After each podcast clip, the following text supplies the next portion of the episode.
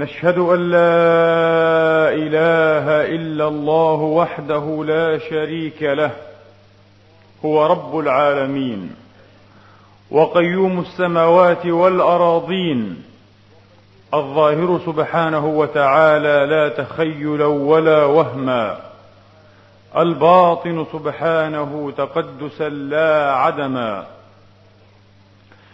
ليس دونه منتهى ولا وراءه مرمى. ونشهد أن سيدنا وحبيبنا وعظيمنا ونبينا محمدا عبده ورسوله وصفوته من خلقه وأمينه على وحيه أجل من نشر رايات التوحيد وعقد خنصر قلبه على تقديس ربه المجيد وتمسك بكتاب لا يأتيه الباطل من بين يديه ولا من خلفه تنزيل من حكيم حميد. صلى الله تعالى عليه وعلى آله الطيبين الطاهرين وصحابته المباركين الميامين وأتباعهم بإحسان إلى يوم الدين وسلم تسليما كثيرا.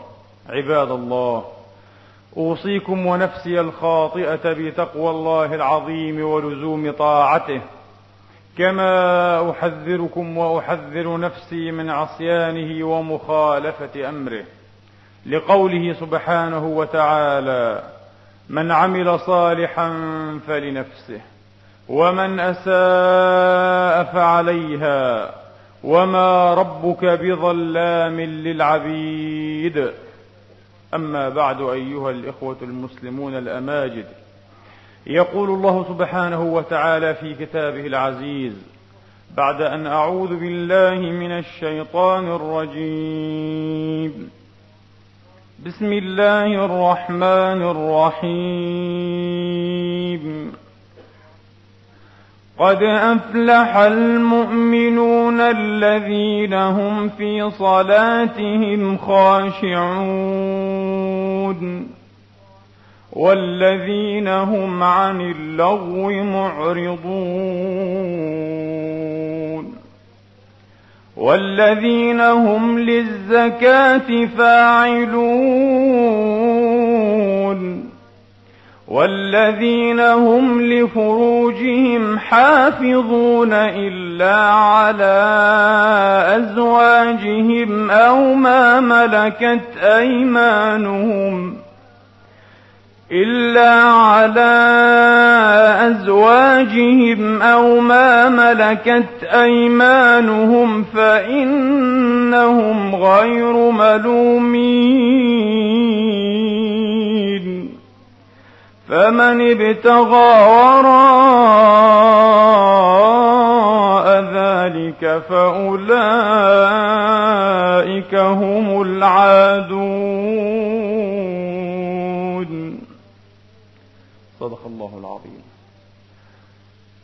أيها الإخوة المسلمون ترون أن الله سبحانه وتعالى في مطلع هذه السورة الجليلة سورة المؤمنون ذكر من صفات عباده المؤمنين المفلحين أي المنجحين الظافرين الفائزين أنهم يخشعون في صلاتهم إنهم لا يصلون وحسب بل يخشعون في هذه الصلاة ويحفظون ألسنتهم من أن تجول في أعراض الناس أو أن تنطق باللغو من القول. وقد يكون كثير من مباح الكلام لغوا من القول. وقد يكون كثير من مباح الكلام لغوا من القول.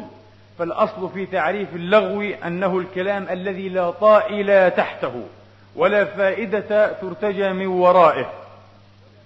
ثم ذكر سبحانه وتعالى أنهم من المصدقين الذين يزكون أنفسهم بإخراج ما ينبغي للفقراء والمساكين من الحق المعلوم وللسائلين أيضا. ثم ربع سبحانه وتعالى على التو فقال والذين هم لفروجهم حافظون وقدمها على صفات تأتي في هذه الآيات العشر من أول سورة المؤمنون والتي تحدد صفات وسمات هؤلاء العباد المفلحين المنجحين الفائزين. النبي عليه الصلاة وأفضل السلام في أكثر من حديث بل إنما فهم من روح دعوته الأولى عليه الصلاة وأفضل السلام يواطئ هذا المعنى يواطئ هذا المعنى ويطابقه فقد روى الإمام البخاري في صحيحه في كتاب بدء الوحي والحديث طويل جدا حين سأل هرقل بالشام أبا سفيان ولما يكن طبعا أسلم بعد كان في الشرك والجاهلية سأله عن محمد وأوصافه وما يدعو إليه فكان مما قال أبو سفيان ويأمرنا هو جاء ليأمر بالصلاة والصدقة والعفاف مباشرة هكذا فهم من روح دعوته الأولى عليه الصلاة وأفضل السلام. وكما نقول ونكرر دائما النبي عليه الصلاة وأفضل السلام يمتح من القرآن يأخذ من القرآن يستمد دائما من القرآن. إنه لا يأمر بشيء ولا يفهم شيئا ولا يدعو إلى شيء إلا وهو يستمد من كتاب الله. الذين هم في صلاتهم وعن اللغو وللزكاة والذين هم لفروجهم. والذين هم لفروجهم. قال يأمرنا بالصلاة والصدقة والعفاف. بل إن عبادة ابن الصامت صاحبه رضي الله تعالى عنه وأرضاه في الحديث الذي خرجاه في الصحيحين حين تحدث عن بيعة الإسلام طلب إليهم عليه الصلاة وأفضل السلام أن يبايعوه على ألا يشركوا بالله شيئا وألا يزنوا مباشرة بعد الاعتقاد العفاف إنه قوام شخصية الفرد وقوام شخصية المجتمع المتكاملة المتماسكة. لا كيان متماسكا لا كيان قائما للفرد بدون العفاف. إن جرائم الفحش والعياذ بالله الأخلاقي تغتال الكيان الإنساني برمته. ولذا لم يرضى الله سبحانه وتعالى لفاعلها عقوبة دون أن يهلكه دون الموت. لأنه كيان قد تداعى كيان هش قد انهدم بالكلية أتي عليه من القواعد. فما مبرر بقائه إذا والحالة هذه؟ لا مبرر لبقائه. ولا تأخذكم بهما رأفة في دين الله. ينفذ هذا الحد دونما رأفة دونما تحنن. دونما ترحم البتة. وهذا أيضا يصدق على المجتمع وهذا أيضا يصدق على المجتمع. حتى لا تتشعب بنا سبل الحديث. تأملوا في قول النبي عليه الصلاة وأفضل السلام فيما يرويه عنه صاحبه عبد الله بن عباس رضي الله تعالى عنهما وأرضاهما وفيما أخرجه الشيخان أيضا في صحيحيهما. قال عليه الصلاة وأفضل السلام العين تزني وزناها النظر والفم يزني وزناه القبل القبلة زنية والعياذ بالله. آه. والفم يزني وزناه القبل واليد تزني وزناها اللمس. التحسس واللمس. لمس ما لا يحل لك يا عبد الله. والقدم تزني وزناها المشي. والفرج يصدق ذلك كله. انتبهوا إلى كلمة كله. والفرج يصدق ذلك كله أو يكذبه. إذا الزنا هو جريمة الكيان الإنساني كله. جريمة الشخصية كلها. إنه هدم وتداع لكل شخصية الإنسان. ومن هنا كان عدلا وتوافقا ومناسبة أن ينصب أو أن يحدد الشارع الحكيم سبحانه لهذه الجريمة عقوبة القتل. لأنها جريمة الكيان كله. إذا كانت العين تزني والفم يزني واليد تزني والرجل تزني وهذا كله زنا على المجاز أو زنا صغير أو زنا بسيط. لكن الزنا الحقيقي الفاحش الأفحش والعياذ بالله هو زنا الفرج. فإذا زنى الفرج صدق كل ذلك الزنا فزنى البدن كله. زنت العين إذن وزنى الفم وزنت اليد وزنت الرجل أو القدم. كله انخرط في هذا والعياذ بالله. إذا لا مبرر لبقائه. فليقتل فليهلك. وقد يقول قائل وإذا تسامح المفعول به المرأة مثلا إذا فعل بها ذلك على غير رضا منها إذا تسامحت وأسقطت حقها كلا. فقد اتفق الفقهاء وأجمعون على أن الحدود ما يعرف بالحدود حد الزنا وحد الشرب وحد السرقة وحد الحرابة وحد الردة. والقصاص كما تعلمون عند السادة الحنفية لا يدخل في الحدود. الحدود شيء والقصاص قسمة أخرى لدى السادة الأحناف. ونحن نأخذ بهذا في هذا المقام. الحدود كلها حقوق لمن؟ لله. ومعنى كونها حقوقا لله أنها حقوق للمجتمع ليست حقا لصاحب الحق الذي يتصور أنه صاحب هذا الحق أو للشخص طرف القضية أو للشخص طرف القضية. كلا إنها حق للمجتمع إنها حق للمجتمع. قد يقول قائل لماذا؟ لأن الزاني والعياذ بالله إذا زنى وظهر زناه بالطريقة الشرعية التي تعرفونها البينة أربعة شهود كالميل في المكحلة هذا الرجل من المحال أنه يعود وينزع إلا أن يشاء الله إنه سيفتك بأعراض الآمنين سيهتك ستر الرجال ويقطع سبل المودات ويدمر أواصر المجتمع. فالخير كما قلنا أن يهدم أن يهلك ألا يظل موجودا. ينبغي. ولذا لا رحمة له لا في الدنيا ولا في الآخرة إلا أن يتوب. لا رحمة له في الدنيا ولا في الآخرة إلا أن يتوب. إن إلحاح هذه الرغبة الفاحشة إلحاح جامح. النبي أيضا عليه الصلاة والسلام يصور لنا هذا الإلحاح تصويرا عجيبا في الحديث الذي قص به على أصحابه رضي الله تعالى عنهم وأرضاهم نبأ سارة عليه السلام وليست سارة بالتخفيف وإنما سارة اسم فاعل. سارة زوج إبراهيم عليهما السلام. حين دخل بها إبراهيم مصر وكان بمصر آنذاك أو يومئذ كان بها ملك يأخذ كل امرأة حسناء غصبا ويقال كانت سارة عليها السلام أجمل نساء عالميها. أجمل نساء عالميها أي أجمل نساء عصرها وعهدها. فأرادها على نفسها. فأبت ودعت الله أن ينجيها منه فخسف الله به. خسف به الأرض. ثم أنجاه. إلا أنه عاود مرة أخرى. إلحاح غريب بعد أن رأى هذا العقاب الإلهي المخيف. لم ينقطع. لم ينقطع. لم يتأدب. لم يرعوي لم ينزع. إذا قلنا الأولى أن يهلك. ولا تأخذكم بهما رأفة في دين الله. هذا جزاؤه. ثم أمره إلى الله تبارك وتعالى بعد ذلك. فخسف به ثانية. ثم أنجاه الله وهذا في صحيح البخاري مش قصة ولا خرافة في صحيح البخاري في كتاب الأنبياء رواه البخاري في كتاب الأنبياء من حديث ابن سيرين. المهم ثم أنجاه الله فراودها مرة ثالثة عن نفسها فخسف الله به. ثلاث مرات يا إخواني. الإلحاح إلحاح الغريزة بحد ذاته ولا نقول إلحاح الرغبة الفاحشة الشاهية. إلحاح الغريزة إلحاح قوي جدا. نحن لا نغض الطرف عن هذه الحقيقة بل نقررها ونعتقدها وندرك مراميها. صحيح. فقد روى ابن مسعود وهذا أيضا في صحيح مسلم. ولعله عفوا في البخاري. المهم استغفر الله. روى ابن مسعود إما في مسلم وإما في البخاري اختلط عليه الأمر. روى ابن مسعود عن صحاب أو عن صاحب من أصحاب رسول الله وهو في طريقه إلى صلاة الفجر إلى صلاة الصبح. لقي امرأة فأغواه الشيطان فقبلها. رجل ذاهب إلى الصلاة.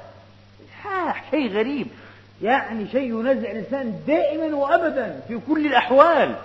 ولذا الشريعة وقفت موقفا واضحا وصلبا ومحددا وعلميا أيضا من هذه الظاهرة. وواقعيا وفطريا. ليس موقفا يعني تعالويا كاذبا أو موقفا مثاليا طوباويا. كما المسيحية مثلا كلا موقفا واقعيا فطريا معقولا. رجل آخر هذا في كما قلنا في الصحيح. آه. رجل آخر وهو الفضل ابن العباس. كان يؤدي مناسك الحج ويقال بعد التحلل في منى أو بمنى وهذا في الصحيحين في البخاري ومسلم. فجاءت امرأة حسناء وضيئة جميلة تسأل النبي ويبدو أنها تحللت وكشفت وأسفرت عن وجهها. تسأل النبي في مسائل شتى أو في مسألة فجعل الفضل وهو رديف رسول الله على ناقته أو على دابته. الرسول أمامه قاعدين على نفس الناقة نفس الدابة. جعل ينظر إليها إلى المرأة الجميلة. آه. فحول النبي إيه؟ رأسه أو وجهه بيده هكذا. حوله. فجعل ينظر من الجهة الأخرى. آه. فحوله النبي مرة أخرى. رجل صاحب ابن صاحب رضي الله عنهما ابن سيدنا العباس عم النبي ومع رسول الله في نفس المكان وعلى نفس الدابة وفي مواضع مقدسة مباركة وفي أزمان مباركة أيضا من الحج والمناسك ومع ذلك ينظر ولا ينقطع عن ذلك من مرة أو مرتين.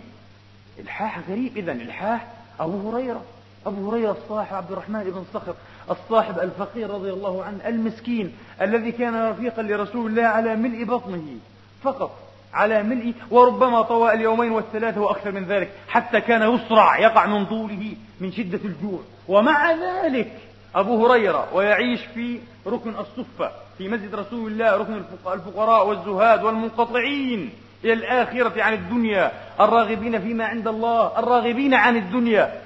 ومع ذلك وهذا في البخاري أيضا في كتاب النكاح. يستأذن النبي أن يختصي. يشكو النبي معاناته الجنسية. الطاقة الحبيسة الليبيدو باصطلاح فرويد.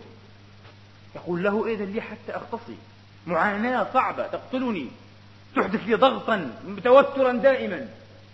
فلم يأذن له النبي عليه الصلاة والسلام. وقد نهى النبي أمته عن الاختصار والصحابة رضي الله عنهم وأرضاهم أنفار كثيرون منهم يقولون يعلقون على حديث أبي هريرة. ولو أذن له لفعلنا. كان إحنا أيضا اختصينا الله أكبر. في مجتمع رسول الله في مجتمع المدينة في المدينة الفاضلة حقا.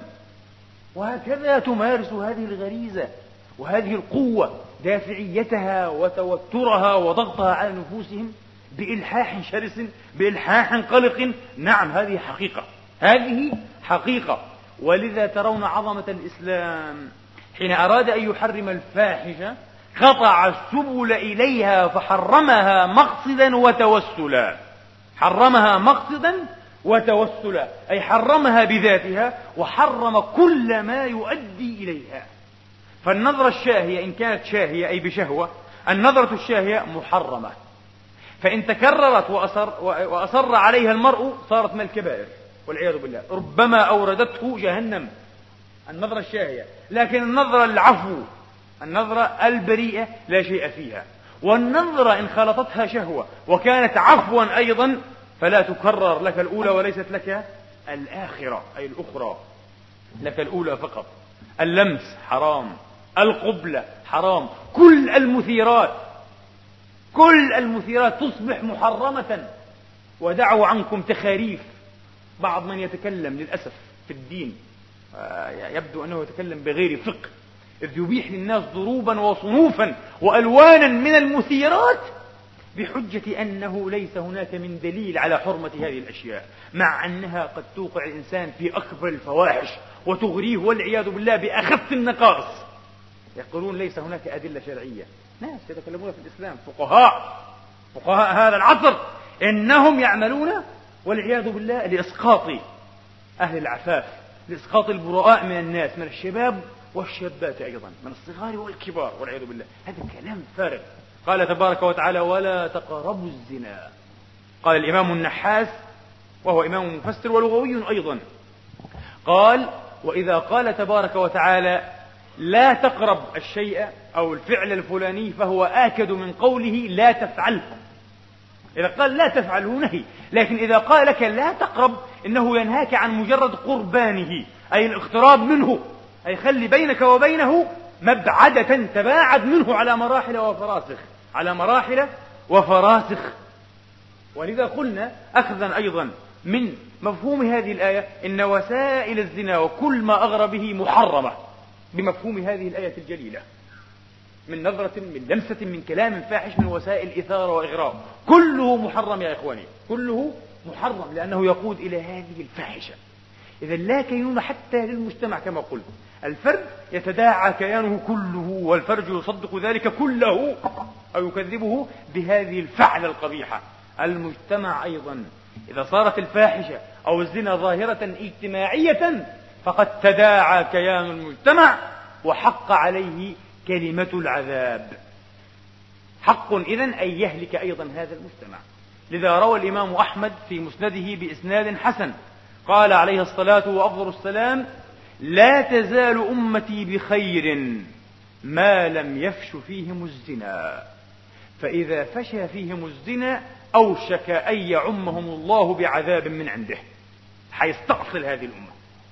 خلاص حيستأصل هذا الشعب حيستأصل هذه الدولة. والآن نرى دولا عربية وشعوبا عربية والعياذ بالله سمعنا وسمعنا وسمعنا. غير مرة. نسأل الله العصمة والتسديد. أي أيوة والله. غير مرة ومن غير أحد من أبناء هذه الدولة أن الزنا قد انتشر فيها ما لم ينتشر في الغرب الأوروبي نفسه. وبأبخس الأثمان. حتى قال نمساوي هنا. يقول لأحد الإخوة أو الأصدقاء قال نمساوي جاء أي كان زائرا سائحا في هذه البلدة والعياذ بالله. نسأل الله أن يهدي أهلها وحكامها وأولياء أمورها. فعاد النمساوي محبورا مسرورا. قال لقد تهيأ لي هناك والعياذ بالله من الأفعال القبيحة. لا أريد أن أذكر الأوصاف السمجة.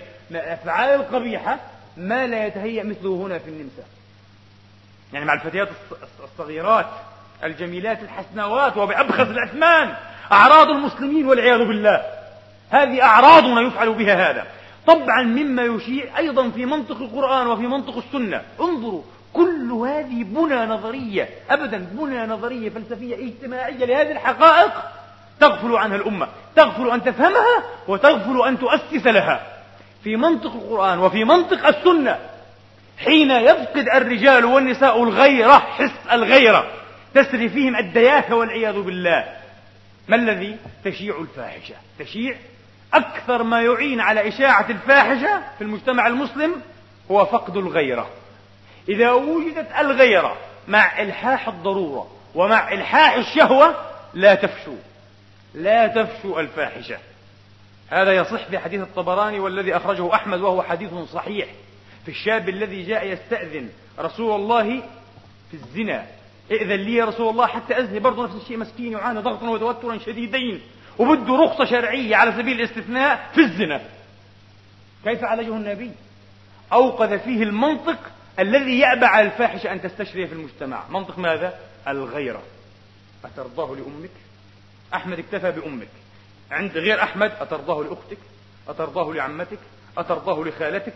وفي كل أولئكم يقول لا طبعا لا أعوذ بالله من يرضى هذا الشيء لأمها أو لابنتها أو لزوجتها أو لا فقال النبي عليه الصلاة وأفضل السلام وكذلك الناس لا يرضونه لأمهاتهم كذلك الناس لا يرضونه لأمهاتهم. فقط أنت عندك عرض وعندك غيره. إذا بمن تفتك أنت؟ ومن تهتك؟ أثر من؟ أثر المسلمين أيضا. ولديهم أعراض لديهم جوانب محمية ولديهم غيرة كغيرة الرجال. لا. والمجتمع المسلم نفس واحدة. الله قال فسلموا على أنفسكم. ولا تقتلوا أنفسكم. إن الله كان بكم رحيما. ظن المؤمنون والمؤمنات بأنفسهم. خيرا. تأملوا في هذه الآيات الثلاث. في كل مرة الله يقول بأنفسهم بأنفسهم. كيف بأنفسهم؟ لأننا كنفس واحدة. كنفس واحدة يا إخواني. المجتمع المسلم هو كيان واحد مترابط. إذا فقد هذا الترابط حق عليه العذاب. استهلك. ولذا أيضا روى في نفس المعنى قبل أن نذكر أيضا المرويات نؤكد على هذا المعنى من القرآن الكريم. أنا قلت القرآن والسنة. السنة ربطت بين شيوع الفاحشة وضعف منسوب الغيرة. لدى الرجال والنساء والقرآن أيضا. كيف؟ هذه فلسفة القرآن. وقال نسوة في المدينة امرأة العزيز تراود, تراود فتاها عن نفسه قد شغفها حبا إنا لنراها في ضلال مبين. إلى آخر الآيات لما سمعت بمكرهن وأرسلت إليهن إلى آخره فلما إيه قالت له اخرج عليهن. فلما رأينه أكبرنه. وقطعن أيديهن وقلن حاشا لله. ما هذا بشر؟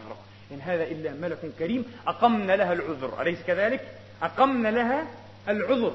لم يقم لديهن أو في نفوسهن من الغيرة ما يجعل العرض والعفاف شيئا أكبر من مجرد الافتنان بالجمال ولو كان الجمال اليوسفي.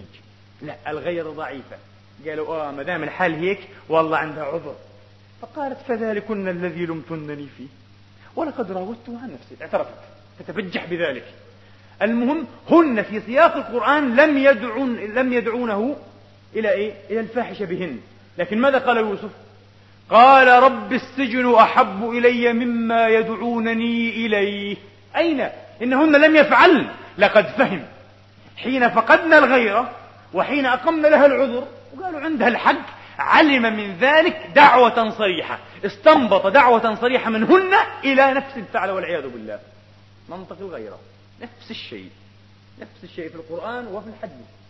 حين تفتقد الغيرة معنى ذلك تأخذ الفاحشة فيزا أو إذنا والعياذ بالله أو تصريحا رسميا من المجتمع باسم المجتمع وضميره المبترئ وضميره المبترئ ليس في استراحة إنما ضمير مبترئ آه.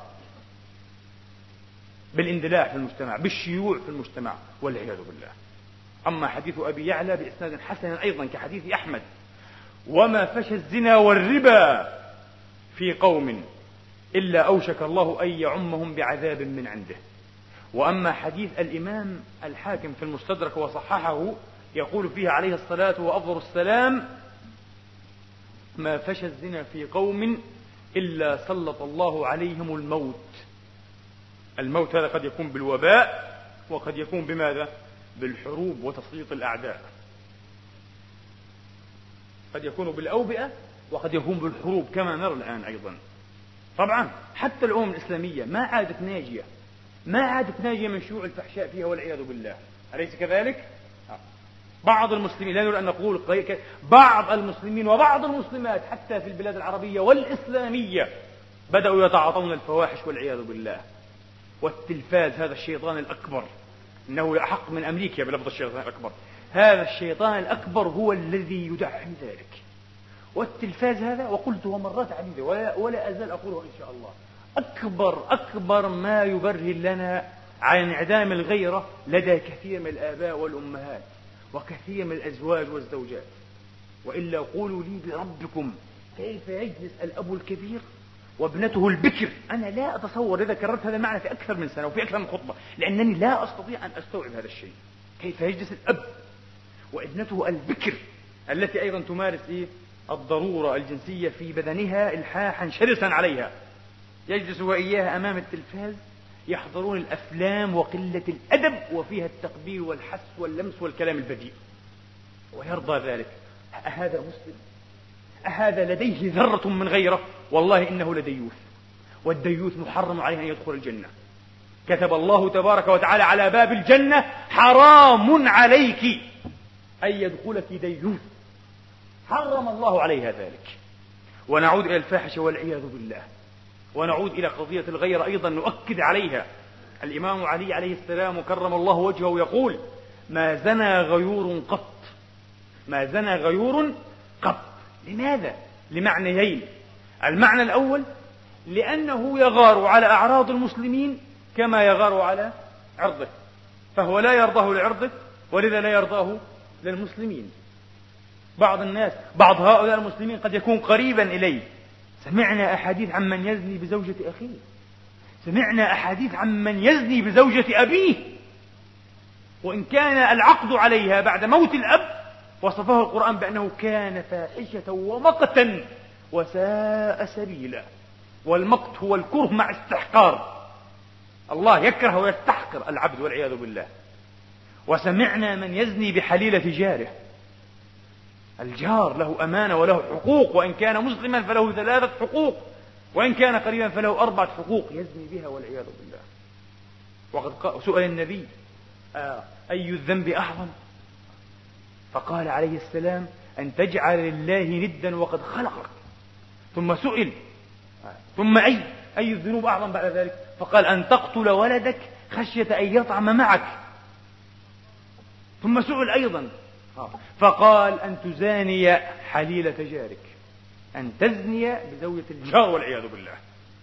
وقد وهذا في البخاري. وأنزل الله تصديقا له عليه الصلاة وأفضل السلام من سورة الفرقان والذين لا يدعون مع الله إلها آخر. هذا أن تجعل الله ندا وقد خلقك. ولا يقتلون النفس التي حرم الله إلا بالحق أن تقتل ولدك خشية أن يطعم معك. ولا يزنون أن تزاني حيلة جارك. أنزل الله هذه الآيات تصديقا لقوله عليه الصلاة وأفضل السلام. وقد قال عليه الصلاة وأفضل السلام في حديث آخر قال إن الرجل إذا زنى بحليلة جاره كان عليه وعليها في القبر نصف عذاب الأمة. نصف عذاب أمة محمد في قبورها يسلطه الله على من زنى بحليلة جاره. كيف بمن زنى بزوجة أبيه أو بزوجة أخيه؟ والعياذ بالله شيء فظيع. نصف عذاب هذه الأمة. وإذا كان يوم القيامة حكم الله زوجها في حسناته. يقول له أنت يا مسكين يا زوج يا مغدور. أيها الزوج المغدور والمغرور أنت محكم في يوم هذا يوم الدينونة في حسنات هذا الخنزير. هذا الفاحش البذيء الذي كان ينتسب إلى الإسلام وإلى يتحكم في حسناته لو شاء لأخذها كلها. وأنا أعتقد أنه لن يترك منها شيئا لأنه محتاج إليها. هذا إذا كان الزوج إيه؟ لا يعلم يقول النبي. فإذا كان يعلم وسكت فإن الله يحرم عليه دخول الجنة حتى على الزوج لأنه حرم على الجنة أن يدخلها ديوث والعياذ بالله. شيء فظيع يا إخواني. في زبور داود الذي تلقاه داود إلهاما وكتبه بالإلهام هكذا قال السادة العلماء. يقول فيه المولى تبارك وتعالى إن الزنا في زبور داود إن الزناة يعلقون في نار جهنم من فروجهم. ويضربون عليها بسياط من حديد. طبعا من حديد جهنمي حديد جمر يضربون على فروجهم فيصيحون ويستصرخون ويستغيثون فتقول لهم الزبانية أين كنتم؟ يوم كنتم تفرحون وتمرحون وتضحكون ولم تستحيوا من الله ولم تجعلوه عليكم رقيبا. لا ذوقوا موجود هذا العذاب بشكل دائم. يقول عليه الصلاة وأفضل السلام. طبعا الذي دعاني إلى هذه الخطبة الذي سمعت من بعض إخواني ولم أكن أتصور هذا أن من الناس من قال من الناس الذين يرتدون حتى المساجد قال لو أن هذا الشيخ خطبنا بدأ أن يخطب في بعض القضايا الفكرية والفلسفية والأيديولوجية لو خطبنا في الزنا مثلا لأن أحدنا يصلي ثم يخرج يزني يحترف على نفسه المسكين. ما أتصور أن الإنسان يرتدي المساجد ويسمع الخطب ويتبع المواعظ ويصلي لله تبارك وتعالى في الجماعات ثم يخرج يزني بكل هذه البساطة. وبعضهم يصلي ويحافظ على بعض الصلوات والجمع ويقول يعني والعياذ بالله إذا تيسرت وسيلة فالإنسان ضعيف فنزني. لا إله إلا الله لا إله إلا الله. نسأل الله العصمة والتسديد. يا الله ونعوذ بالله من الخذلان. شيء فظيع فهذه موعظة لأمثال هؤلاء وموعظة لنفسي وللجميع. عسى الله أن ينفعنا بها جميعا. يقول عليه الصلاة وأفضل السلام إن الرجل إن الرجل إذا مد يده إلى امرأة لا تحل له مجرد لمسة هيك حط يدك على مفاتنها لمسة جاءت يده يوم القيامة مغلولة إلى عنقه. ما يقدر يحركها المسكين. فإن هو قبلها قرضت شفتاه في نار جهنم بالمقاريض على القبلة الحرام ما عندك زوجة. طيب إذا ما عندكاش استعف. العفيف في ظل الرحمن يوم القيامة. العفيف له الجنة استعف. أو توسل إلى العفاف تزوج يا عبد الله. تزوج. فإن هو قبلها قرضت قرضت شفتاه في النار بالمقاريض والعياذ بالله. فإن هو وقع عليها. إن هو تورط وزنى بها والعياذ بالله. شهدت عليه فخذه يوم القيامة أمام الله. وقالت أشهد على هذا العبد أني ركبت إلى الحرام. أنا مشيت وتوسلت إلى الحرام. فينظر الله إليه تبارك وتعالى نظر الغضب فإذا نظر إليه سقط لحم وجهه وظل عظما يتقعقع. ثم ينكر ويكابر يقول ما فعلت؟ إذا النظرة فعلت به ذلك فكيف إذا أمر الله به إلى العذاب الآن؟ عذاب الزنا. فيقول ما فعلت؟ ينكر ويكابر. وساعة إذ تنطق عليه كل أعضائه. يقول لسانه أشهد علي أني قد تكلمت بما لا يحل لي. مع هذه المزني بها الحبيبة والمعشوقة والكذا والكذا كلام لا يحل لك أن تقوله إلا لزوجتك. لماذا قلته لهذه الملعونة؟ أشهد علي أني قد نطقت بما لا يحل لي. وتقول العين أشهد أني قد نظرت إلى ما لا يحل لي. وتقول اليد أشهد أني تناولت ما لا يحل لي. وتقول الرجل أشهد أني قد مشيت إلى ما لا يحل لي. ويقول الفرج وأنا أشهد أني قد فعلت. ويقول أحد الملكين وأنا أشهد أني قد سمعت. ويقول الآخر وأنا أشهد أني قد كتبت. ويقول الله تبارك وتعالى وأنا أشهد أني قد اطلعت وسترت. يا ملائكتي خذوه فأذيقوه من عذاب الشديد. فقد اشتد اليوم غضبي على من قل حياؤه مني. فقد اشتد اليوم غضبي على من قل حياؤه مني. يستخفون من الناس ولا يستخفون من الله وهو معهم.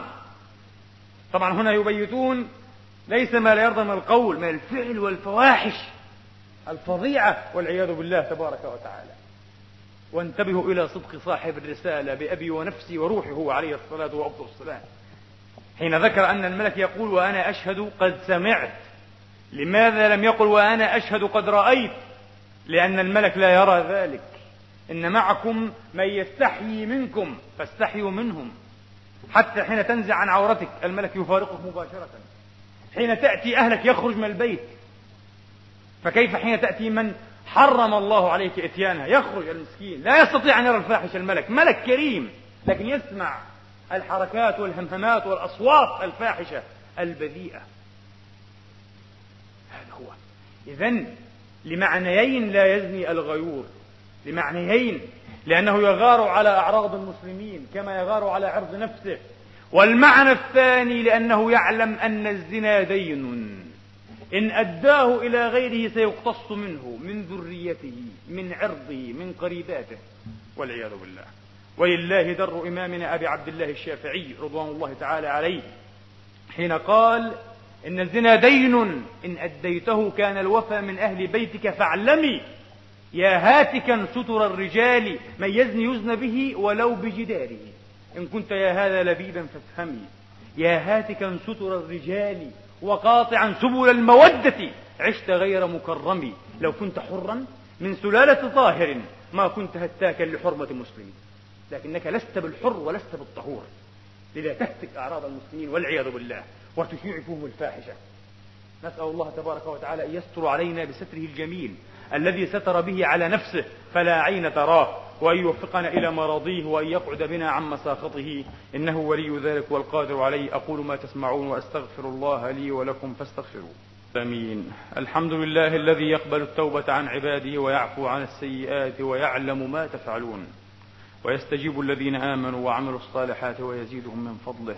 والكافرون لهم عذاب شديد وأشهد أن لا إله إلا الله وحده لا شريك له وأشهد أن سيدنا محمدا عبده ورسوله صلى الله تعالى عليه وعلى آله وأصحابه وأتباعه بإحسان إلى يوم الدين.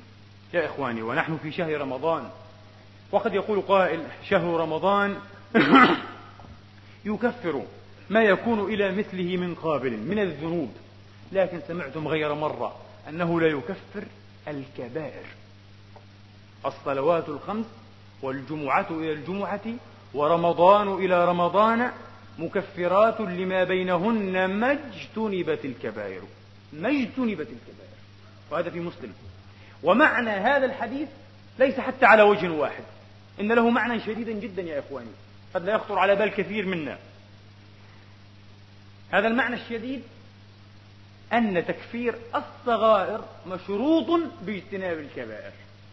فمن لم يجتنب الكبائر لم تكفر لا صغائره ولا كبائره. إذا من صام وصلى وقام ودعا وتصدق وعمل وعمل في شهر رمضان وفي غير رمضان في إبان وفي بحر السنة في بحر أحد عشر شهرا أتى من الكبائر ما وسعه الإتيان والعياذ بالله. هذا لا تكفر لا صغائره ولا كبائره. النبي قال مكفرات لما بينهن ما اجتنبت كأنه ما هنا إيش شرط؟ يعني إذا اجتنبت الكبائر. يعني إذا اجتنبت تكفر الصغار. إذا لم تجتنب لا تكفر. لا الصغائر طبعا ولا إيه؟ الكبائر. والمعنى الثاني الذي نعرفه جميعا. ونسأل الله أن يكون هو الأصدق وهذا الأول قوي جدا أيضا.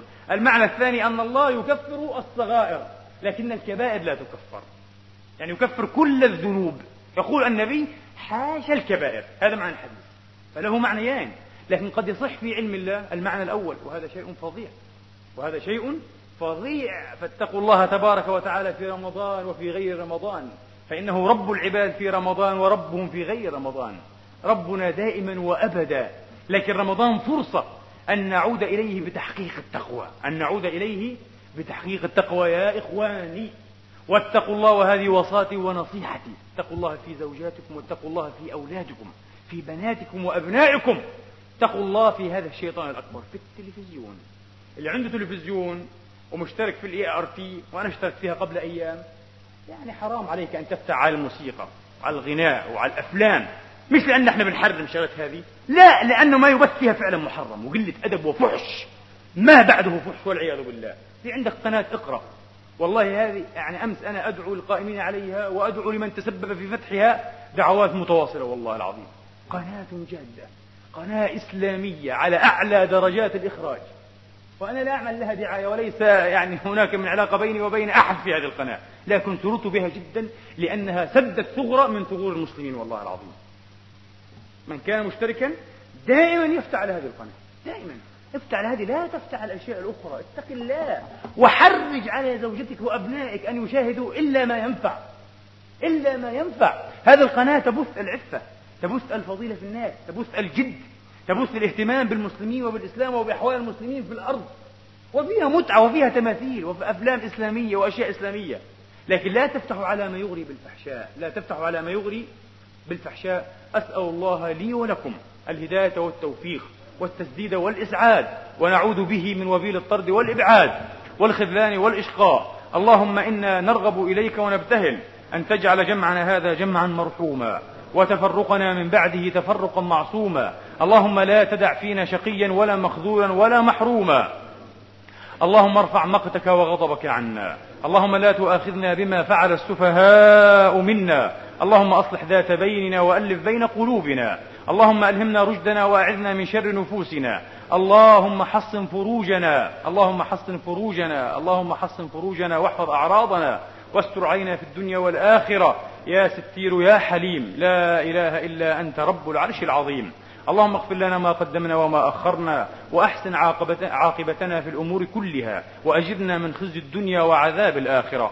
اللهم إنا نسألك أن تنصر الإسلام والمسلمين وأن تعلي بفضلك كلمتي الحق والدين. اللهم عليك بأعدائنا أعداء الدين. أحصهم عددا وأهلكم بددا. ولا تبق منهم أحدا. إلهنا ومولانا رب العالمين. عباد الله إن الله يأمر بالعدل والإحسان وإيتاء ذي القربى.